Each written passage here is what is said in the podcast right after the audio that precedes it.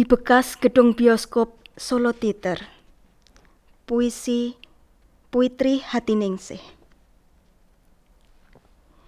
Di teater ini tak ada lagi kursi beludru merah yang lengan kursinya hanya untuk dua telapak tangan kita yang tergenggam dingin. Hingga kita tak tahu lagi cerita film yang ditonton.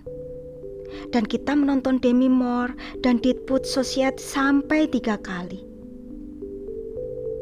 di bawah proyektor yang hangat itu, di balkon itu, bayang kita ditelan gelap di antara suara keripik kentang yang kita remukkan.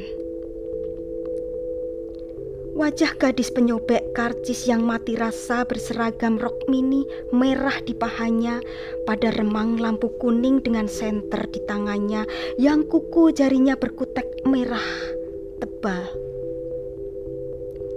Tapi di teater ini aku menonton Troy sendiri.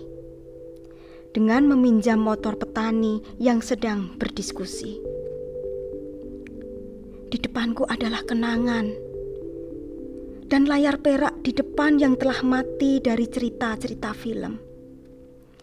Michael Douglas, Sharon Stone, Brad Pitt, Tom Cruise telah berhenti. Layar itu masih berwarna mutiara di kegelapan menatap jejak penonton yang tak ada lagi. Sesekali puisi Afri Salmana menyapa layar. Dinding kayu berpelitur untuk membeli karcis dengan coretan spidol biru kini sepi.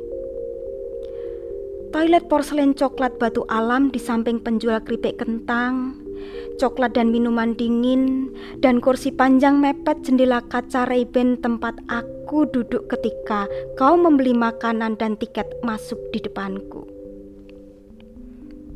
Malam yang dingin, aku suka melihat segaran dari kaca itu dengan titik lampu-lampu kekuningan dan restoran boga yang menyala di pulaunya.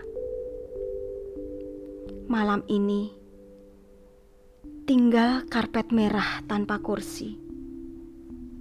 Tempat aku kini harus membaca puisi. Januari 2011